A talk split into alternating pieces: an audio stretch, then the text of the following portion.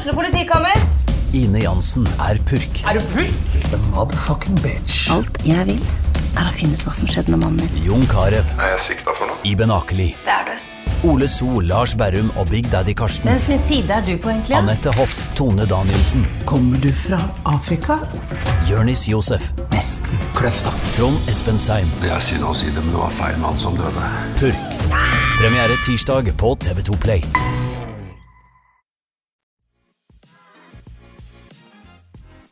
Da er vi klare med, til eh, topps med Ayman, og i dag er vi så heldige og skal få prate sammen med Camilla Rostad.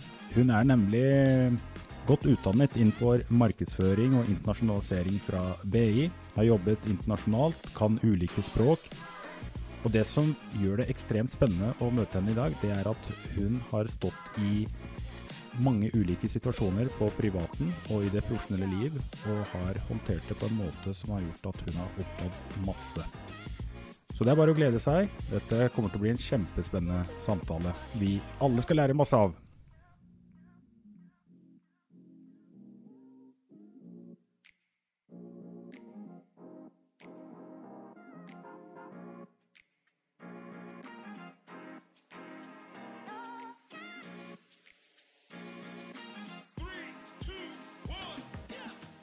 Camilla, velkommen eh, til studio her. Eh, Tusen takk for det. Veldig hyggelig å bli invitert. Det er så bra.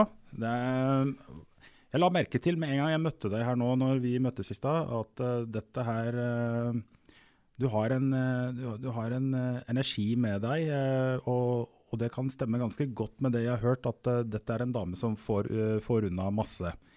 Og mm, jeg tenker Da setter vi bare i gang. og så Jeg har lyst til at du kan presentere deg sjøl i forhold til din egen reise, hva du har gjort og hva du gjør i dag. For eh, formålet med samtalen i dag er at vi skal bli bedre kjent med deg. Vi vil få frem de, de tankene du opererer med, altså mindsettet ditt, som har gjort at det har vært mulig for deg å gå gjennom eh, eh, sjukdom, stå i det å være gründer, operere og krige eh, med en liten bedrift eh, mot eh, de store aktørene innenfor matbransjen. Så igjen, velkommen, og veldig kult om du kan bare sette i gang og fortelle oss litt om din egen reise og, og hva du holder på med, Camilla. Jo, em, jeg tror vi må tilbake til, til barndommen. Jeg, kom jo, jeg er født og oppvokst på Gjøvik, og nå driver jeg jo familiebedriften som jeg er tredje generasjons driver og eier av i dag.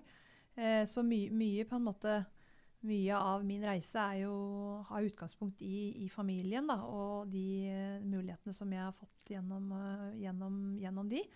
Eh, og jeg var jo Jeg tror mor sier det at det første ordet jeg sa, det var 'horse' på engelsk.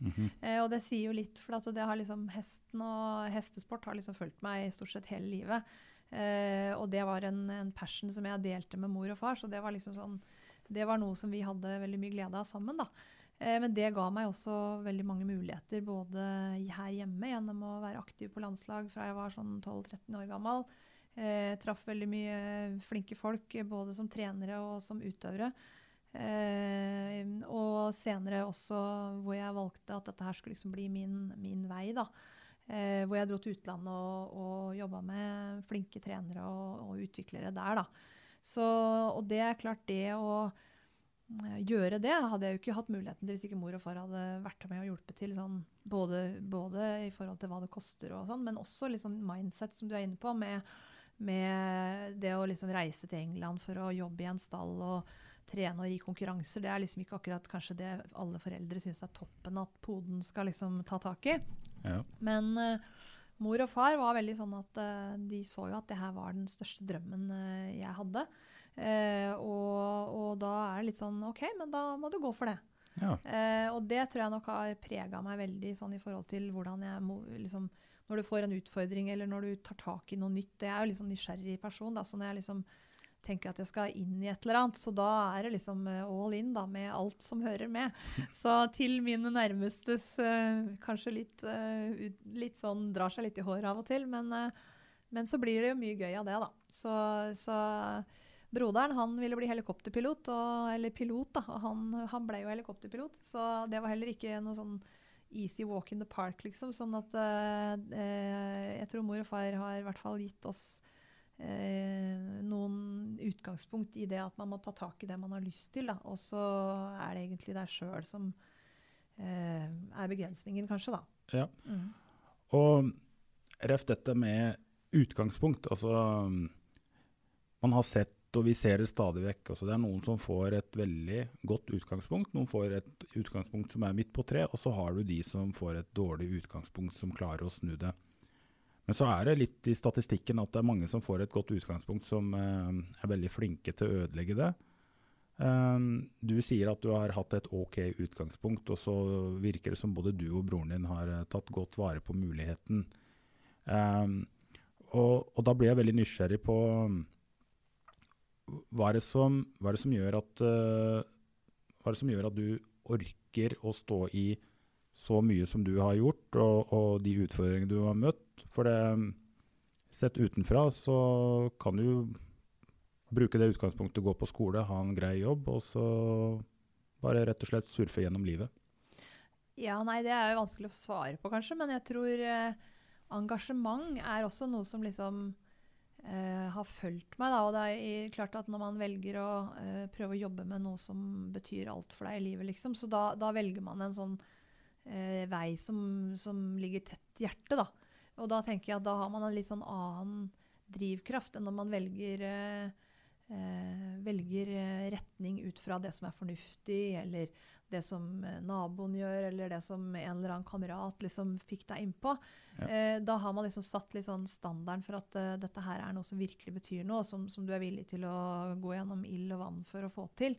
Eh, så, så, det er nok noe som liksom har fulgt meg litt. altså når jeg involverer meg i noe, så er det gjerne fordi at, uh, at det er noe jeg brenner for. Og da er man villig til å gå litt lenger òg.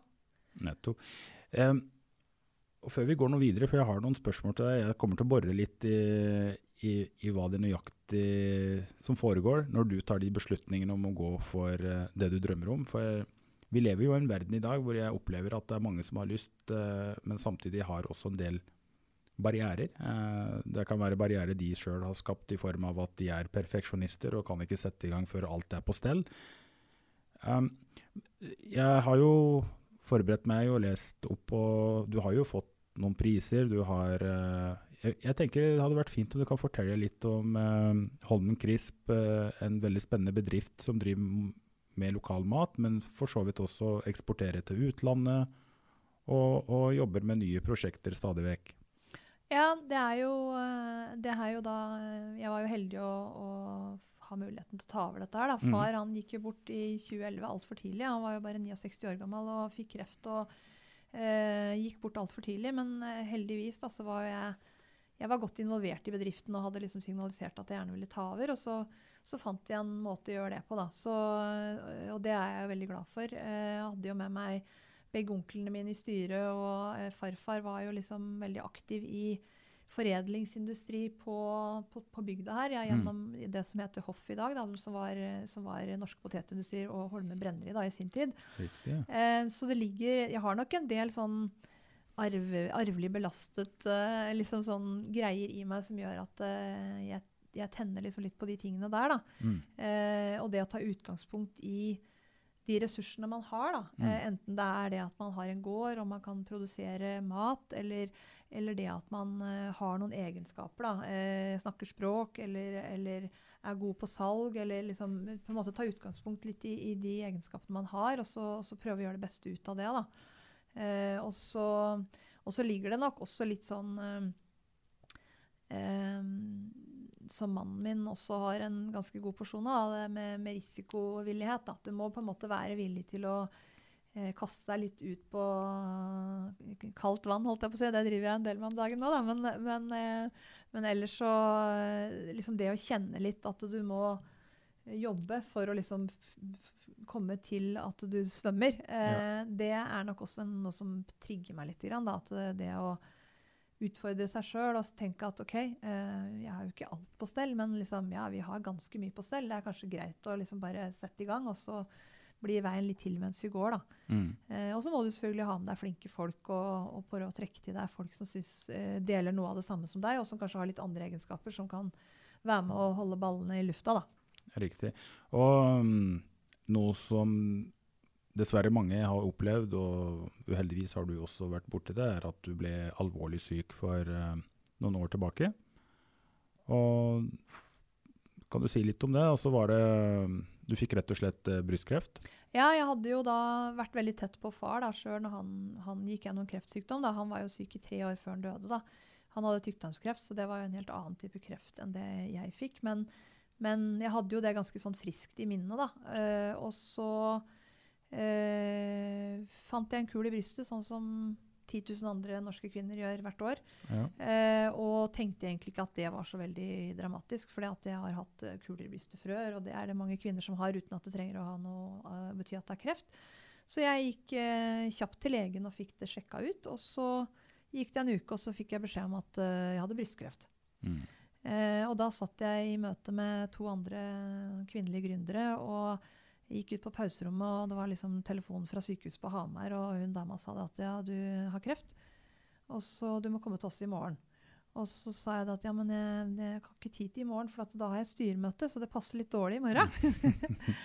sånn at uh, du får litt sjokk da, ja. selv om det er Eh, det er, det er, jo ikke noe mindre sannsynlig at jeg skal få kreft enn mange andre. på en måte. Når det er såpass mange som 10 000 i året som får det, så er det jo ikke så veldig rart. Og de fleste familier eh, kommer i kontakt i kreft, dessverre, i en eller mm. annen form. Eh, så, så, da var det min tur, på en måte. Så ja. da tok det nok en, et par dager før jeg liksom skjønte at nå skal jeg i gang med noe helt annet enn det jeg egentlig trodde jeg skulle i gang med. Mm.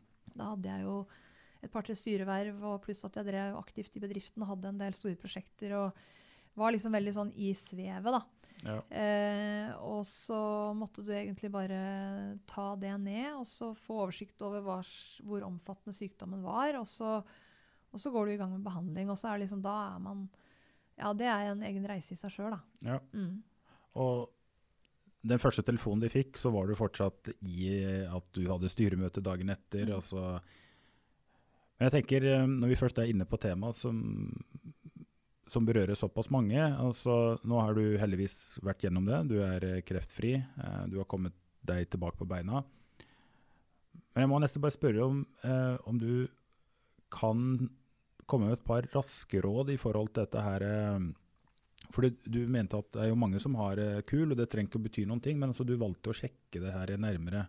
Ja, det har jeg for så vidt alltid gjort. Jeg, jeg, tror jeg fant min første kul i brystet da jeg var sånn i begynnelsen av 20-åra, så det er jo eh, noen år siden nå. Mm.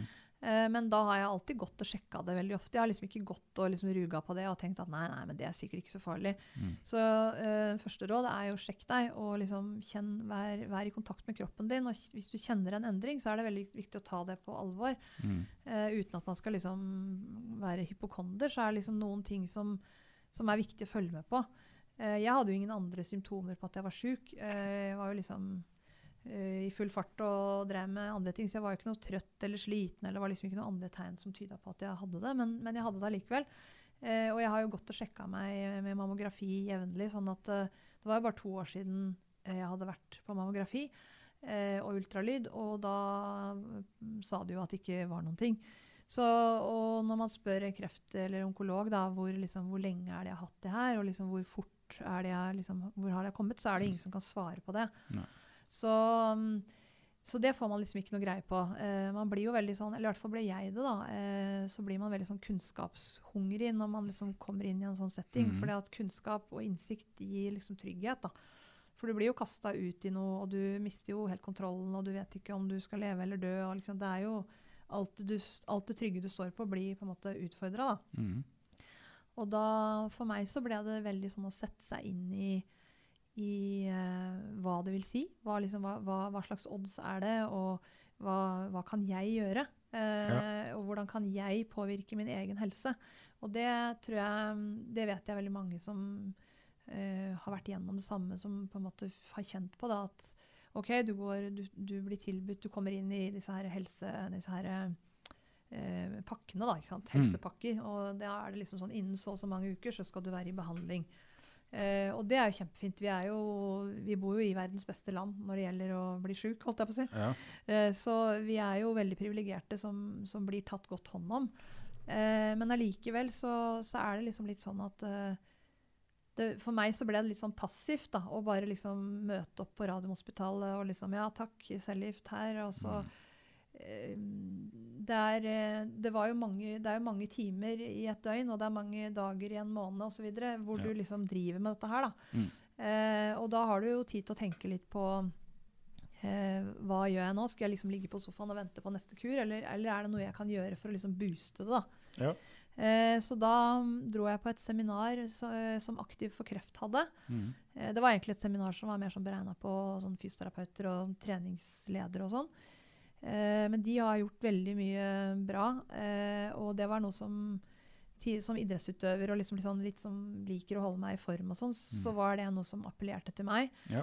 Eh, så, så da fant jeg ut at eh, OK, eh, jeg kan gjøre ganske mye sjøl. Og, og brystkreft er en kreftform som responderer veldig positivt.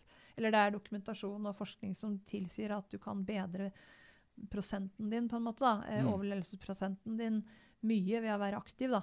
Ok. Eh, gjennom behandling og, og for så vidt etterpå, selvfølgelig, men, men også gjennom behandlingstida. Da, at du, du får bedre effekt av behandlingen eh, hvis du klarer å være aktiv. Og det er jo En ting er å ville være det, en annen ting er å kunne være det. Det er jo forskjellig hvordan man reagerer på, på medikamentene man blir, må ta. da. Ja. Så, men jeg var heldig, så jeg tålte det bra. Jeg har en kropp som er helt eh, ja, det er liksom eh, Man blir liksom nesten eh, rørt og går ned i sånn bønnestilling når man tenker hva kroppen er tålt. da. Ja. Eh, så jeg hadde ikke veldig mange dager på sofaen gjennom mitt, mitt sykdomsforløp. Ja. Og det, tror jeg, det er ikke fordi jeg liksom er redd for å legge meg på sofaen, men det er liksom bare det at jeg, jeg var i grei form. Og da tenker jeg OK, jeg, jeg skal ha turen min. Det var liksom det jeg brukte energien på. Det var å prøve å leve ganske normalt, sånn i forhold til at barna skulle liksom ikke bekymre seg for mye Mm. over, over min situasjon. Ja. Eh, og at eh, mor var sånn ganske sånn normal. Opp om morgenen, lage frokost, få dem av gårde. Og Mm. så ut og gå tur. Riktig. Så tur ble viktig, og Tur ble- å ta vare på det normale i hverdagen, Ja. spesielt med tanke på barna. Og Litt av grunnen til at jeg går inn på det her, det er for at jeg er veldig opptatt i de her perspektivene. Og, og med det så tenker jeg det er en del mennesker som eh, har eh, lyst til å gjøre mye. Altså Du reiste til England for å ri og drive med drømmen din, eh, og det var hester, og ga alt du hadde. Og så har du utdannet deg, og så har du, driver du en familiebedrift og hatt ulike styreverv. Og jeg tenker at eh, det er mange som jeg treffer, som eh, kommer til meg og sier at de har kjempelyst til å få til mye mer enn det de har klart hittil. For det, spørsmålet som jeg ofte tenker på, det er dette her med om, om vi mennesker har, en, uh, har et liv og har, eh, har eh, omgivelser som reflekterer vårt sanne potensial. Og i mange tilfeller så er det jo svaret på det er ofte nei. Jeg har ikke fått til så mye som jeg tror jeg er kapabel til. Da. Og, da, og da tenker jeg, hva kan det være? Hva er det det dreier seg om? At man ikke har lyst nok, eller er det, kan det være frykt? Eh, og, og når du gikk gjennom den sykdommen, så kan jeg bare forestille meg at eh, Og du hadde dine stunder hvor du var redd for noe. Ja, ja. Ja. Det, det, det, altså, når du sier ordet kreft, så blir jo alle litt sånn, du ser jo alle blir litt sånn stive i øya. på en måte. Det er jo Ja. sånn veldig, et, et ord som er veldig, eh, har veldig mye følelser i seg. da. Mm. Eh, og redsel og liksom frykt er jo absolutt en av de. Ja. Sånn at uh, i, de, uh, i den perioden hvor du liksom tar det inn, da, at uh, du er nå du har trukket liksom kølappen på kreftkøa, Ja. ja. så, så er du jo Du går gjennom alt redd, redsel og frykt, og at du ikke skal se barna dine vokse opp, og alt det der. Ja. Eh, men så kommer du over i en sånn mobiliseringsfase. Eller i hvert fall, jeg gjorde det da. Jeg kom Mm. over i en sånn mobiliseringsfase hvor du tenker at fader heller, liksom. Eh, eh, jeg, skal, jeg skal i hvert fall gi det en skikkelig kamp. Jeg Ja. skal i hvert fall prøve å gjøre mitt beste for å, at eh, jeg skal komme ut av dette her eh, best mulig. da. Ja. Og, og da gjelder det jo ikke sant, det er sånn senskader og alt mulig sånne ting. Eh, du vil jo helst ikke ha det. da. På en, måte. en ting er jo å overleve kreft, en annen ting er å få alle de andre bivirkningene av terapien eller den som du har vært gjennom. Mm. Så jeg tror jo noe av det som jeg har litt sånn i meg da, fra, fra min liksom, reise da, i livet tidligere, det Mm. er litt det der med at jeg, jeg liker liksom å utfordre meg sjøl litt. da.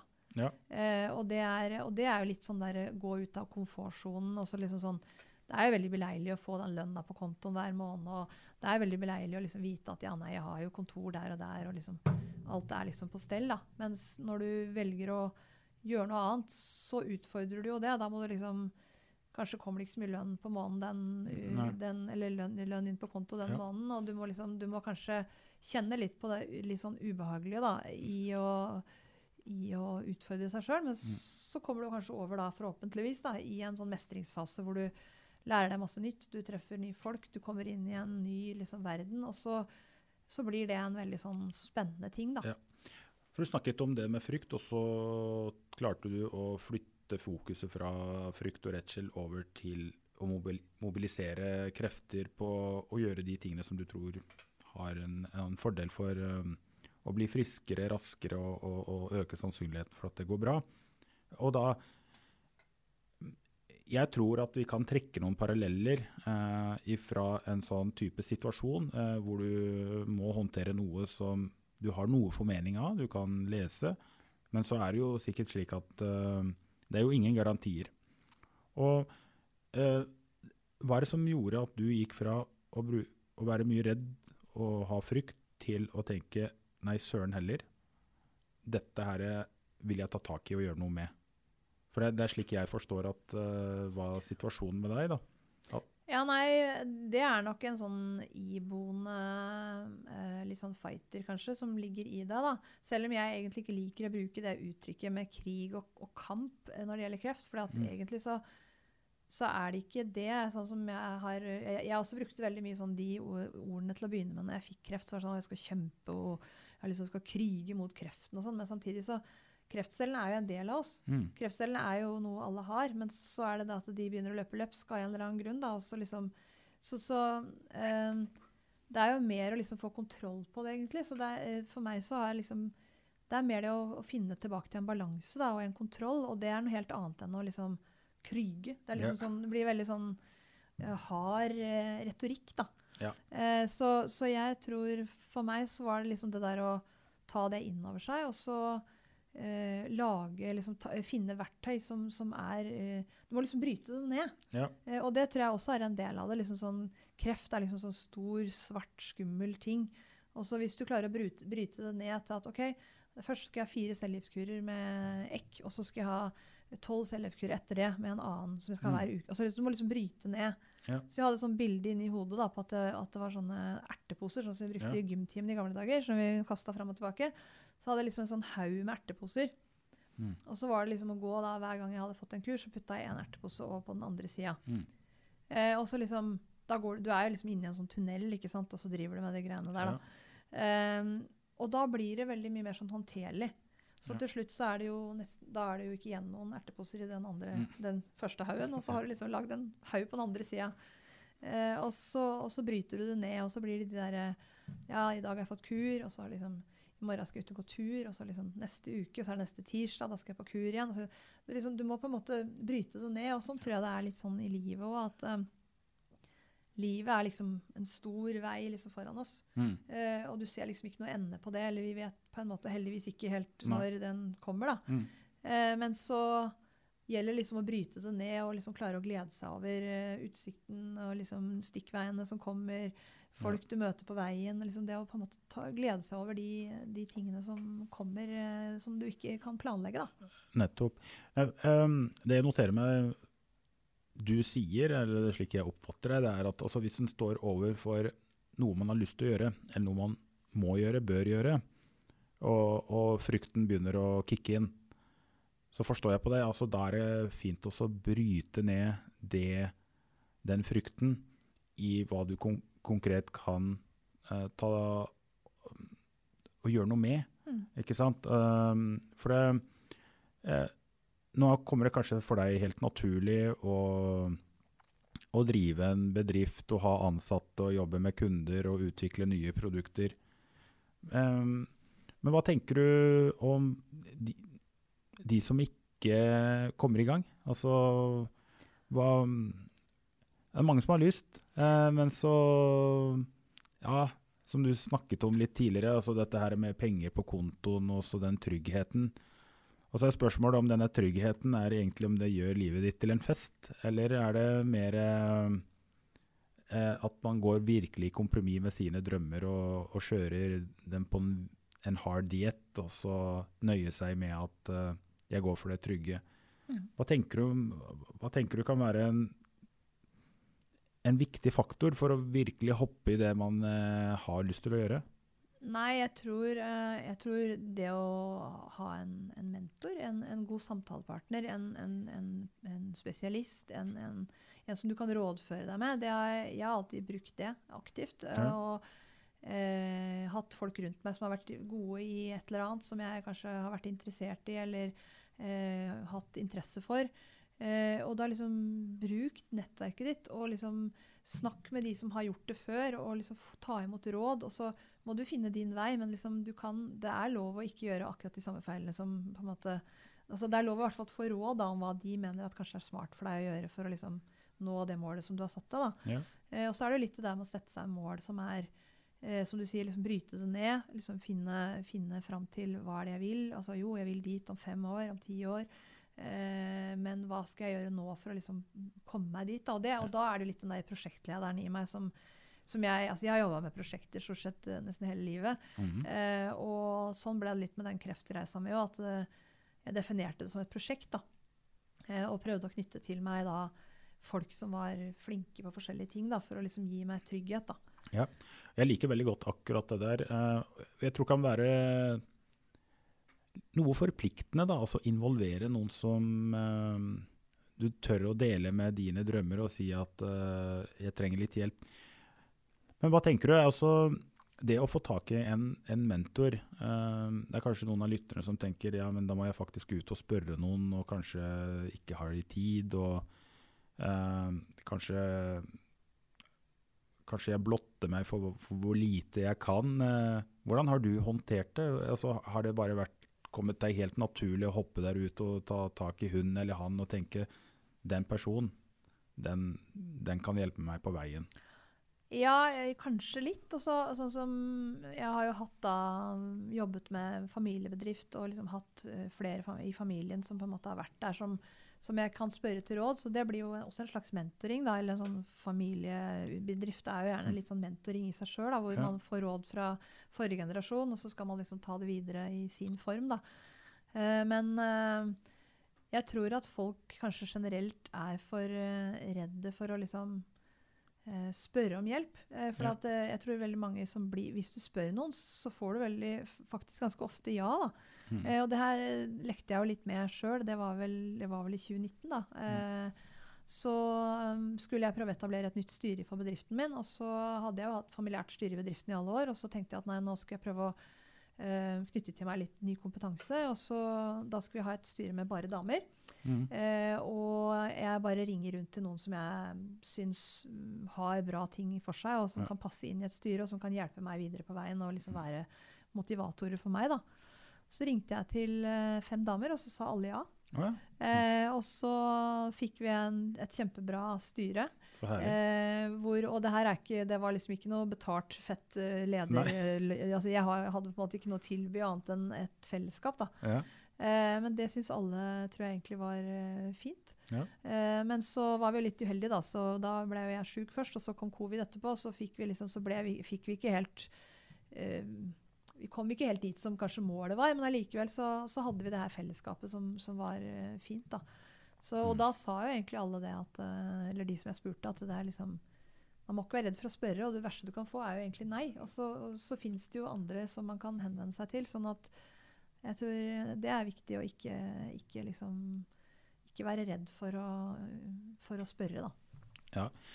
Um, på den reisen nå, um, så fra min egen reise så,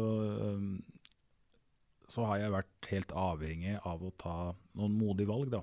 For at jeg hadde et utgangspunkt som var, som var rett og slett tøft, uh, med tanke på en fluktreise i hele ti år, og så komme til et nytt asylmottak, så et nytt et, og så når man har vært, når vi var liksom endt opp på det åttende asylmottaket, så, så, ble det, så, ble det, normalen, ikke sant. Eh, men jeg, for hver dag som gikk, så innså jeg at hvis jeg virkelig har lyst til å få det livet jeg drømmer om, så betyr det at uh, det nytter ikke bare å, å, ta det som det kommer. Må ta, Ikke må jeg bare ta valg, men jeg må ta skikkelig modige valg. og da blir jeg sånn nysgjerrig. Du, eh, hva, hva, vil du sjøl si har vært et av de modigste valgene du har tatt eh, for å komme dit du er i dag? Og for å oppnå det du har gjort. Og det viktigste jeg kan forestille meg, er at du rett og slett har turt å gå ut etter drømmen din. da. Men er det ett, uh, et par valg eller ett valg du tenker på, det, det, der, det var modig, for jeg er litt sånn interessert i det. Lytterne òg tenker jeg har nytte av å høre av hvordan For jeg, jeg, tror i mange sammenhenger så vil du ikke få det kicket eh, hvis ikke de valgene er modige nok. Nei, og der tror jeg at uh, altså den uh, ridegrenen som jeg drev med, da, som var feltritt, det er jo liksom Det er en, en gren som nok krever litt mot. Mm. Uh, og det var nok noe av det som gjorde at jeg var veldig interessert i det utgangspunktet, i tillegg til at det har mye med trening og allsidighet og sånn å gjøre. Men jeg tror nok at det, det ligger nok litt i ryggraden. Mm. At, at, jeg liker å utfordre meg sjøl litt og, og, kjenne liksom at du lever litt. da. Mm. men når det gjelder modigste valg, så vet jeg ikke. altså Eh, det å satse på drømmen din er jo i, i seg sjøl et modig valg. Og det å reise til England som 18 år gammel jente og liksom eh, ha med seg kofferten og hesten sin som partner og liksom mm. skulle bli verdens beste rytter, det er klart at det, det, er jo ikke bare modig, men det er jo litt sånn kanskje idiotisk, vil de fleste si. da. Ja. Men, men, men, samtidig så er det kanskje det er noen av de beste åra jeg har hatt i livet. Ja. Eh, og jeg ville aldri jeg ville ikke gjort noe annerledes. Eh, hvis, jeg skulle, hvis jeg sto der igjen i dag og var 18 år, så ville jeg gjort akkurat det samme. Det var fantastisk tid. Og jeg traff folk som var like dedikert som meg, og som på en måte ville det samme, og som på en måte hadde de samme drømmene som jeg hadde sjøl. Artig å høre. da. Det er jo gøy at du kan se tilbake på det med et smil, som jeg ja. ser du tydelig preger deg. Og, så, uh, og, og, si at det har vært så bra at det ikke noe annet Du vil ikke ha forandra noe på det. Men da tenker jeg OK, jeg skal utfordre deg litt uh, på et par spørsmål her. For jeg tenker uh, Hvis du nå skal være to Har du blitt mindre modig med åra, eller har du opprettholdt det, syns du? Nei, Det er kanskje ikke jeg riktig til å svare på, men, uh, men det er klart den kreftreisa som, som, jeg akkurat har vært gjennom, da, den, at, den påvirker jo valgene dine. Mm. I forhold til at uh, man er veldig takknemlig for at man lever, og at man på en måte har kommet gjennom det. og liksom sånn. Uh, så jeg tenker at det gjør kanskje noe med hvordan man disponerer tida si, og liksom ja. hvordan man prioriterer. Eh, så, så, det har nok påvirka meg. Mm. Men jeg er jo fortsatt eh, Jeg er jo 52 år. Jeg, hvis jeg skal bli 100, så har jeg jo bare så vidt halvveis. Ja. Så, så da, da, er det jo masse prosjekter som jeg ikke har gjort ennå, som jeg fortsatt gleder meg til å ta fatt på. Så, så jeg tenker at uh, jeg, trenger, jeg, har liksom trengt noen år til å liksom kalibrere meg igjen, på en ja. måte. Og så, og så, er jeg liksom kanskje i ferd med å liksom gå litt ut av det. Og så, og så får vi se hva det neste blir. Men nå driver vi jo med eh, gårdsbutikk og gartneri hjemme. og liksom, Det er jo noe som jeg har kasta meg litt ut i nå, som, som, også er en litt sånn ny arena. sånn at uh, Der er det masse å lære om planter og gartneridrift og tusen ting. Mm. Sånn at uh, ja. ny kunnskap er en fin ting uh, å utfordre seg med. da. Supert. Eh, hvis vi skulle fjerne alle barrierer, eh, og du skulle nå være mye mer modig og, og nesten ikke frykte noen ting, hva ville du ha gjort? Eh, sånn jobbmessig tenker du på, eller? Jobb, privat. Det kan være at du tenker at nei, da hadde jeg solgt alt jeg har og reist verden rundt, eller at du hadde eh, skrevet en bok. Altså, det kan være hva som helst. Eh, litt sånn nysgjerrig på når du har uh, hatt et uh, fornuftig utgangspunkt, du har brukt det godt, du har satset, du har reist, du har jobbet med, i større konsern, men du har også drevet en familie og driver en familiebedrift godt. Uh, Syns du at du har vært flink nok til å, å, få maksimalt ut av de ressursene som du har tilgjengelig. Og da tenker jeg på kunnskapen din, IQ-nivå, nettverket ditt, at du kan flere språk, at du er født i Norge. Føler du at du har virkelig tatt ut potensialet? Det er jo helt sikkert altså, Det tror jeg man kjenner på når man går gjennom en sånn kreftbehandling, blant annet. Da. At uh, man har inn, altså masse, man har masse kapasitet som man mm. egentlig ikke har brukt. Da. Så der er nok jeg òg. Eh, men samtidig så føler jeg vel at jeg har utnytta noen av de mulighetene jeg har fått eh, bra. Mm. Eh, og så tenker jeg at jeg skal fortsette å gjøre det. Og så, så vet jeg ikke nødvendigvis akkurat hvordan ting er om ti år. Men, men, jeg vet at jeg har noen morsomme prosjekter, og jeg har noen drømmer fortsatt som er veldig hårete, som, som, eh, som jeg kan liksom jobbe videre med og, og, og tenke på. Ja. Eh, og så får vi se hva, som, eh, hva realiteten blir, da. Men, Ja. eh, men jeg syns jo eh, det er morsomt å gjøre ting sammen med andre òg. Eh, okay. Og det er liksom sånn Det å finne partnere eller, eller samarbeidspartnere eller, eller hva det nå måtte være, og gjøre prosjekter sammen, er også noe som gir liksom litt ekstra. Mm. Eh, og, og kunne dele det med noen, da. Ja. Um, helt sånn avslutningsvis så vet jeg at du har tre barn. Uh, og jeg tenker eh, Altså, hva er det du har lært mest av den reisen? Eh, både alt ifra det som du har drevet med på, i- altså innenfor eh, med hest, og være i utlandet og jobbe i større konsern, familiebedrift og alt det du gjør. Hva er det du har lært? Er én ting, men hva, hva er det de viktigste tre-fire tingene som du har lært, som du er veldig opptatt av dine barn, og kanskje den yngre generasjonen, bør ha mer fokus på? Nei, jeg, jeg tror, eller det jeg prøver å lære mine egne barn, da, det er jo veldig det der med at de, de må jo finne sin egen vei. Og, Mm. og jeg kan si hva jeg syns og mener osv. Og, og så er det litt forskjellig i forhold til personligheten, da, hvor opptatt de er av hva jeg mener og så videre, hvor de er i Mm. alder og alt sånt nå. Men, men det å på en måte la seg eh, rive med, liksom, og, og, og, og kjenne at liksom, du gjør ting med hjertet, da.